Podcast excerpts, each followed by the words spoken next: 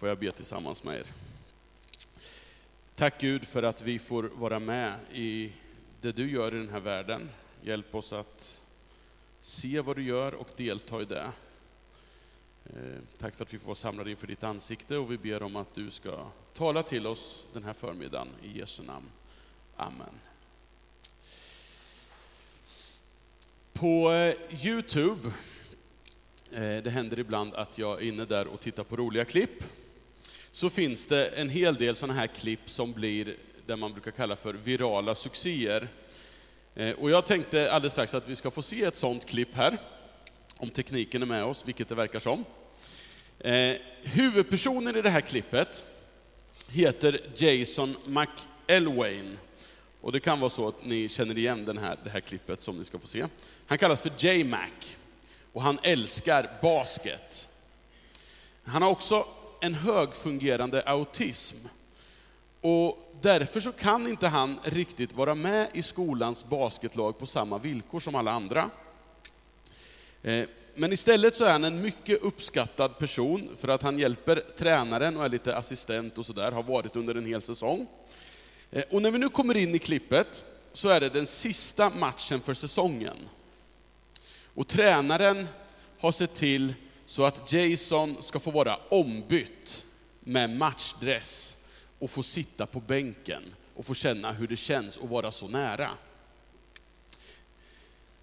Men med fyra minuter kvar av den här matchen, sista matchen på säsongen, så bestämmer sig tränaren inte bara för att han ska få sitta på bänken, utan att Jason ska få vara med och spela. Och då händer det här. February 15th, Greece Athena against Spencerport, senior night. With word out that Jason might play, the student section printed signs of J-Mac's face just in case. And with 4.19 left in the game, with the Trojans up by 20, coach called down to the end of the bench for number 52. I just kind of turned and pointed at him, and uh, he almost ran right on the court. He was so excited. Hey, Jay, you got to check in. So he hits the buzzer, and he doesn't go anywhere. It's like now you go on the court. You know, he was so he was so caught up in the moment he came into the game, they all stood up and they put the signs, uh, you know, the pictures of him up, and I got really emotional. And I sat down and started crying. With 3.46 left, Jason got the ball. When he missed that first three, I was like, oh, and then it airball, and I was like, man, I really just want to see him score one time. I put my head in my hands, like, dear God, please, uh, let's just get him a basket. Then, with 312 left, another chance. That third trip down the court. Imagine.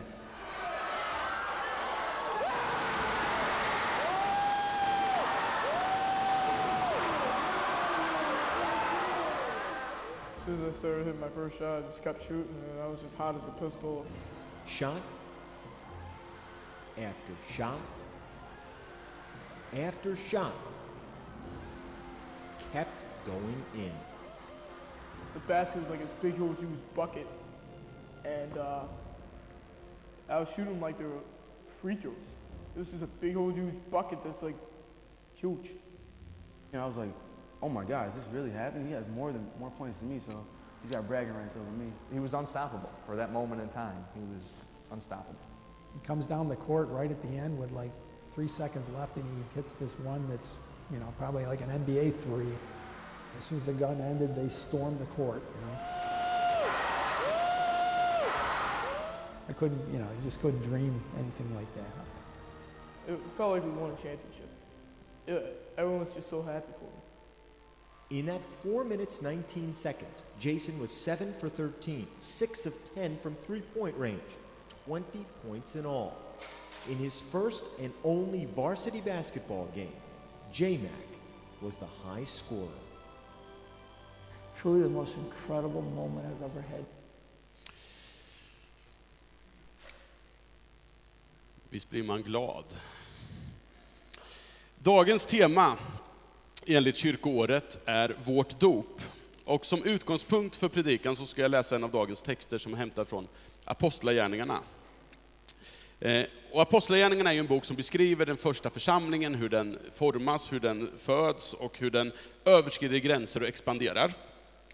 Och i det åttonde kapitlet så möter vi Filippos, som på grund av en förföljelse mot de kristna i Jerusalem, så har, hamnat, så har han hamnat i Samarien. Eh, Och där så tas evangeliet emot med stor glädje. Och mitt i det arbete han står i, så får Filippos genom en ängel en märklig uppmaning, som leder till ett möte som jag skulle beskriva som något av de vackraste i Nya Testamentet. Och vi ska läsa från Apostlagärningarna 8, 26-39. Och den här texten vill forma för läsarna ungefär samma känsla som det här videoklippet gjorde, gör för oss i vår tid. En ängel från Herren sa till Filippos, gå nu vid middagstiden ut på, de, på, på vägen som leder från Jerusalem ner till Gaza. Den ligger öde. Han gick genast. Då kom en etiopier som var, mäkt, som var mäktig hovenuck hos Kandake, den etiopiska drottningen, och hade ansvaret för hela hennes skattkammare. Han hade farit till Jerusalem för att tillbe Gud och var nu på väg hem och satt i sin vagn och läste profeten Jesaja. Anden sa till Filippos, gå fram till vagnen och håll dig intill den. Filippos skyndade fram och när han hörde mannen läsa profeten Jesaja frågade han, förstår du vad du läser? Hur skulle jag kunna det utan att någon vägleder mig? svarade mannen. Och han bad Filippos stiga upp och sätta sig bredvid honom. Skriftstället som han läste var detta. Liksom ett får som leds till slakt, liksom ett lamm som är tyst inför den som klipper det, öppnade han inte sin mun. Genom förödmjukelsen blev hans dom upphävd. Vem kan räkna hans efterkommande när hans liv nu upphöjs från jorden? Hovmannen frågade Filippos, säg mig, vem talar profeten om? Sig själv eller någon annan? Filippos tog då till orda och med skriftstället som utgångspunkt förkunnade han budskapet om Jesus för honom. När de färdades vägen fram kom de till ett ställe med vatten och hovmannen sa, här finns vatten. Är det något som hindrar att jag blir döpt? Han lät stanna vagnen och båda två, Filippos och hovmannen, steg ner i vattnet och Filippos döpte honom. När de hade stigit upp ur vattnet ryckte Herrens ande bort Filippos och hovmannen såg honom inte mer. Han fortsatte sin resa fylld av glädje.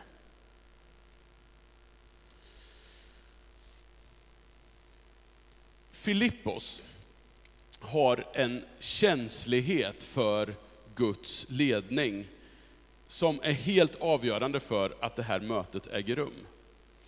Filippos har säkert tusentals skäl att inte, mitt i en brinnande väckelsekampanj i Samaria, där det händer massor av saker, att då gå till en väg som enligt beskrivningen ligger öde, låter ju inte riktigt klokt. Men han gör det därför att han får den uppmaningen. Och Filippos exemplifierar en följsamhet för vart anden leder honom. Men han är inte bara följsam i någon sorts loj bemärkelse, för det radikala mod och handlingskraft som han ger uttryck för i den här berättelsen saknar på många sätt motstycke, och ni kommer snart förstå varför. Som den första, före både Petrus och senare Paulus, så går Filippos över en gräns som av många ansågs helt otänkbar att överskrida. En teolog som heter William Barclay, han konstaterar så här, vi inser vanligtvis inte hur nära det var att kristenheten bara blev en sorts judendom. Den religionsutövning som vi möter i Gamla Testamentet och bland judar vid den här tiden, fäste enorm vikt vid gränser. Den absolut tydligaste gränsen, det var ju den mellan judar och hedningar. Judarna tillhörde Guds folk, hedningarna gjorde inte det. Och som ett exempel, ett tydligt tecken på den, de här gränserna var ju templet i Jerusalem, där det fanns väldigt tydliga gränser för vilka som fick vara på vilka platser. Det fanns en plats där alla fick vara, så kallades hedningarnas förgård. Sen så fanns det en plats där de judiska kvinnorna fick komma. Sen fanns det en, ytterligare en inre plats där männen fick vara och så fanns det ytterligare en plats där prästerna fick vara. Och så fanns det det allra heligaste, där Gud bodde. Så det fanns ju liksom, i själva det här gränssättandet så fanns det också en tydlig rangordning socialt. Lärjungarna och de första kristna var judar. Och det är först i och med en erfarenhet som Petrus gör några kapitel senare i Apostlagärningarna, som man på riktigt börjar ana att den här gränsen som förut har varit så viktig, har upphävts i och med att Jesus har dött och uppstått. Anden utmanar ständigt apostlarna att progressivt ompröva allt i ljuset av Jesus Kristus. Och i det här formandet av det här nya folket så spelar dopet en central roll i Nya Testamentet. För dopet är ju det som förflyttar oss från att vara ohjälpligt utanför till att vara fullständigt innanför. Och det som gör den här berättelsen så radikal, det är den person som här blir döpt och därmed inlemmad i det här folket. Mannen från Etiopien, en högt uppsatt tjänsteman verkar det som, vid drottningens hov, en sorts finansminister. Han var inte jude. Men han har ändå varit i Jerusalem för att tillbe Gud. Och det var ganska vanligt att icke-judar, de som inte var födda som judar, sökte sig till den judiska tron. Och då fanns det möjligheter att ansluta sig till den, trots att man inte var jude av födseln. Och då blev man någonting som man kallar för proselyt, av grekiskans ord, en som har anslutit sig. Och det här skedde genom dop, och så blev man omskuren, och så förväntades man iaktta samma plikter och skyldigheter som födda judar hade. Men för den här hovmannen så var den vägen stängd. Eftersom han var enuck och därmed kastrerad. Och det var vanligt i antiken att enucker hade offentliga ämbeten. I Mose lag så stod det uttryckligen att ingen som har fått, det står ordagrant så här, ingen som har fått testiklarna krossade eller lämmen avskuren får upptas i Herrens församling. Så liksom, hur mycket han än skulle vilja tillhöra, Han hade ju till och med varit i Jerusalem för att tillbe Gud. Han sitter i en vagn och läser Jesajas bok, trots att han vet att han, jag kommer aldrig kunna få vara med på riktigt. Han står ohjälpligt utanför.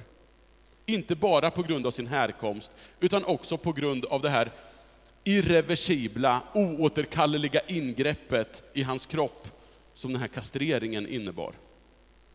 Trots detta, att han aldrig kommer att vara med på riktigt, och hur påminn han måste bli om sitt utanförskap varje gång han kommer till det här templet för att tillbe, så utsätter han sig för det här. Det tyder ju på att han längtar ganska mycket efter att få tillhöra. Han vill vara med Gud. När hovmannen på hemväg sitter där och läser, så går plötsligt Filippos bredvid vagnen. Och så frågar han, förstår du vad du läser? Det finns många människor i vår tid som längtar efter Gud. Många fler än vad vi någonsin kan föreställa oss, tror jag. Människor som kanske får för sig att de aldrig någonsin kan komma att duga inför Gud, på grund av saker i deras liv som de uppfattat gör dem ovärdiga Guds kärlek. Kanske på grund av handlingar vars konsekvenser de tror är lika oåterkalleliga som ett kirurgiskt ingrepp. Kanske har många, ofta felaktigt men också tyvärr med all rätt ibland, uppfattat att kyrkan har förkunnat en Gud som har sina gränser för hur långt nåden, kärleken och förlåtelsen kan gå.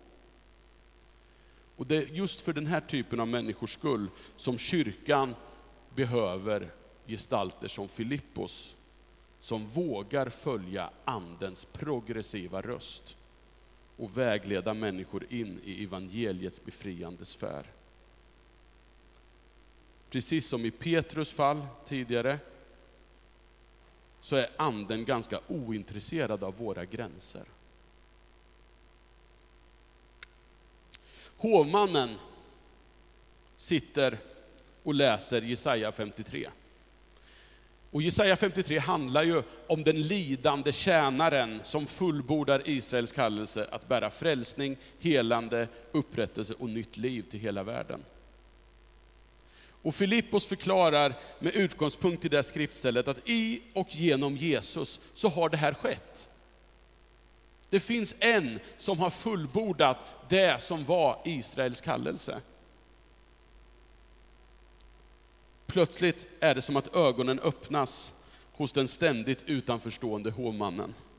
Han förstår att om Jesus har burit alla sår, all smärta, för att ge liv och helande till världen, vad är det då som står i vägen för att också han ska få vara med? Att han ska få vara delaktig i det här gudsfolket som han har längtat efter så länge att få bli.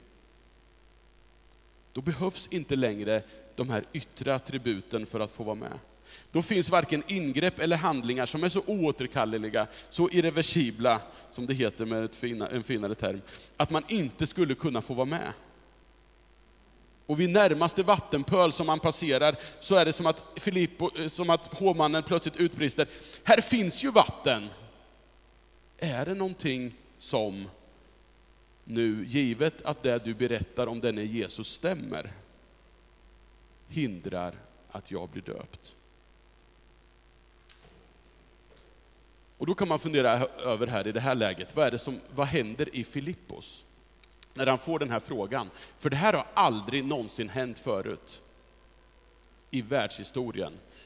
Att en person som den här hovmannen vill bli en del av Guds folk. Men han vågar ta konsekvensen av det evangelium han precis har berättat. Utan att snärja in sig i en massa teologiska krångliga resonemang om att fråga de övriga apostlarna om lov och så vidare, så väljer Filippos att, att gå den här Etiopiens önskan till mötes och han döper honom. Och den här berättelsen är ju en sorts förelöpare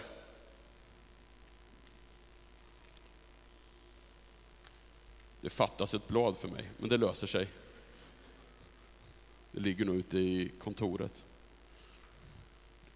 Kanon. Nummer fem ska det stå på. Ja, det är bra. Den här berättelsen, det är ju en sorts förelöpare till den insikt som hela Nya Testamentet egentligen handlar om, men verkar så hopplöst svår för församlingarna att fullt ut förstå. Nämligen att nu får alla vara med. På samma villkor.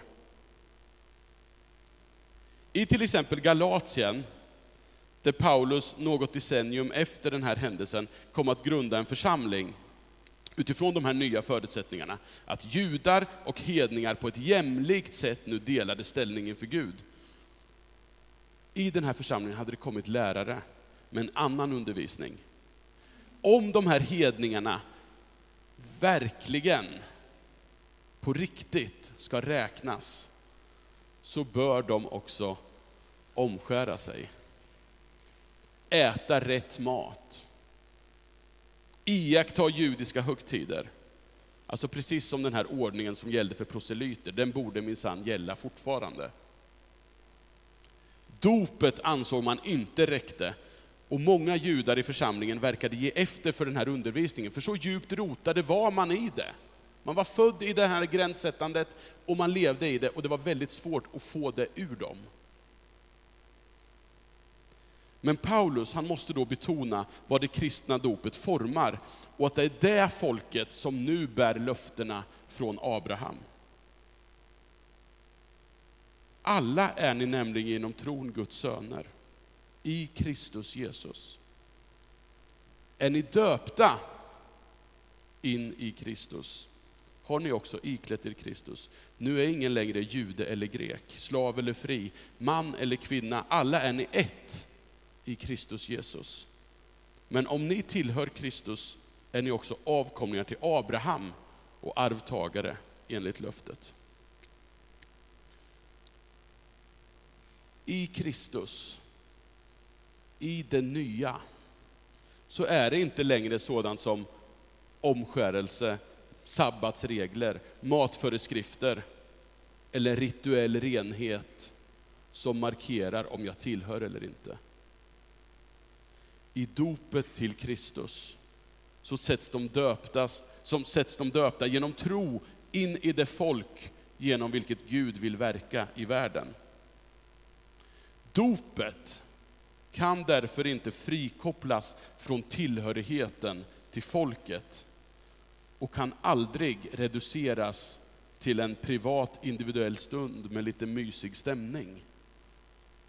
För det som gör berättelsen om hovmannen så anmärkningsvärd, det är att han nu ges möjlighet att tillhöra folket. Han får en tillhörighet. Och Det är därför så bra att rubriken för idag är vårt dop. Det finns inget som heter mitt dop, utan vi, vi är döpta i samma dop som kristna. I Nya Testamentets brev är dopet oskiljaktigt sammanlänkat med hur man relaterar till varandra i den lokala, konkreta gemenskap som man är med i. I Galatien ska de som aldrig skulle fått för sig att umgås, nu till och med dela måltidsgemenskap med motiveringen att de är ju döpta. Nya förutsättningar gäller. I Kolosserbrevet, ett annat brev, så beskrivs dopet som en ny omskärelse, det vill säga tecknet på tillhörighet till gudsfolket. I Romarbrevet, där Paulus ännu mer ingående resonerar kring dopet som en identifikation med Kristi död och uppståndelse, är det för att göra det möjligt för grupperingarna judar och hedningar att bortse från den gamla ordningens kategoriseringar. De är begravda. Den nya skapelsen med ett nytt folk har nu tagit form. Lev i det om ni nu är döpta. En konsekvens av det här skandalösa inkluderandet av människor, för det är ju det som väcker så mycket, oerhört mycket irritation när den kristna kyrkan växer fram. Att man inkluderar en massa människor som inte borde få vara med. Det är ju det som ska vara kyrkans signum. Alla får vara med, det är grejen. En konsekvens, det är att om vi själva vill vara med, precis som de här i de första församlingarna vi möter i Nya Testamentet, så måste vi också acceptera att, med, att, vi, att vi måste ha gemenskap med människor som vi själva inte skulle ha valt.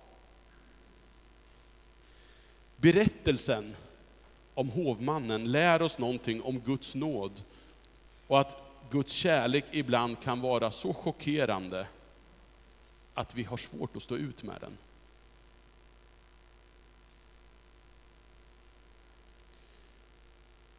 Många av er känner igen den här berättelsen om den förlorade sonen.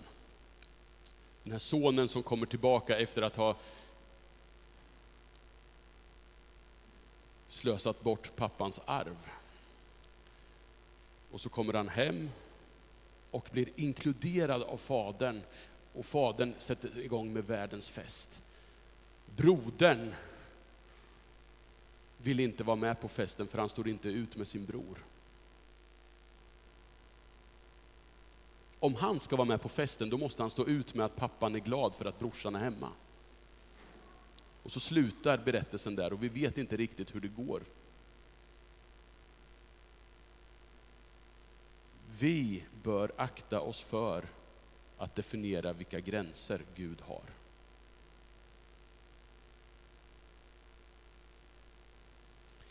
Teoretiskt så kanske ni tycker, ja men det är bra, han, han talar bra nu Anton. Vi håller oss ju inte med sådana gränser, vi vill vara inkluderande. Men det finns ganska mycket att göra alltid, därför att vi är en del av en värld där vi bygger gränser och murar mellan människor. Om vi vill vara en dopets gemenskap som inte bara pratar om att alla får vara med, så behöver vi fundera över hur fungerar det i våra liv? I den här församlingen, runt våra kaffebord här, i mitt hem.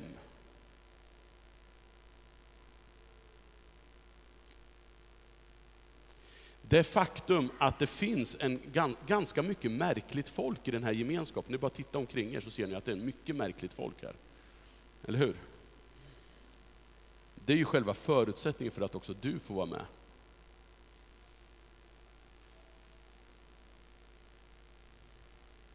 Allt är nåd. Den här autistiska killen som få hade räknat med. Han går in och han inte bara får vara med, utan han blir bästa poängplockare i hela matchen. Han bidrar till laget på ett avgörande sätt. En kastrerad statstjänsteman från Etiopien kan under stor glädje åka hem och berätta de goda nyheterna om att han nu, som förut var dömd att stå utanför, han får vara med. Han har inkluderats i det här folket som i världen gör tjänst för Gud, som kungar och präster, säger Petrus när han skriver ett brev till hedningar i Turkiet, så säger han, ni är präster. Ni är inte bara liksom får vara med lite på nåder i den här förgården, utan ni får vara med längst in. Ni är med! Vårt dop sätter in oss i det här svindlande sammanhanget. Och vi får tillhöra en ny mänsklighet som bär och gestaltar goda nyheter till världen om att i Kristus så är den här världen räddad. Tänk om vi förstod vilken potential det fanns, det ligger i, när de döptas gemenskap börjar leva ut det här de är döpta till. I gemenskap med Gud och med varandra. Och genom dopet så får du och jag vara med utifrån samma villkor, precis som alla andra. Och det villkoret är bara nåd. Vi ber tillsammans. Tack Gud för att du är nådens Gud och du är en älskande Gud som älskar och älskar och älskar av evighet. Och du vill inget annat än att människor ska komma till dig och vara nära dig. Tack för att din kärlek och din nåd vet inga gränser. Utan så långt öster är från väster, så långt sträcker sig din kärlek, Herre. Tack för att ingenting varken ångest eller nöd eller mörker eller död kan skilja oss från din kärlek i Kristus Jesus. Och tack för att vi får vara med i det här. Tack för att du också finns hos den som kanske inte riktigt vet, är jag med? Tillhör jag? Jag ber Gud om att du ska föda tro i den människans liv idag. Att jag får vara med. Jag får vara med. Därför att du har räckt ut handen och vi har bara att fatta den och följa med dig.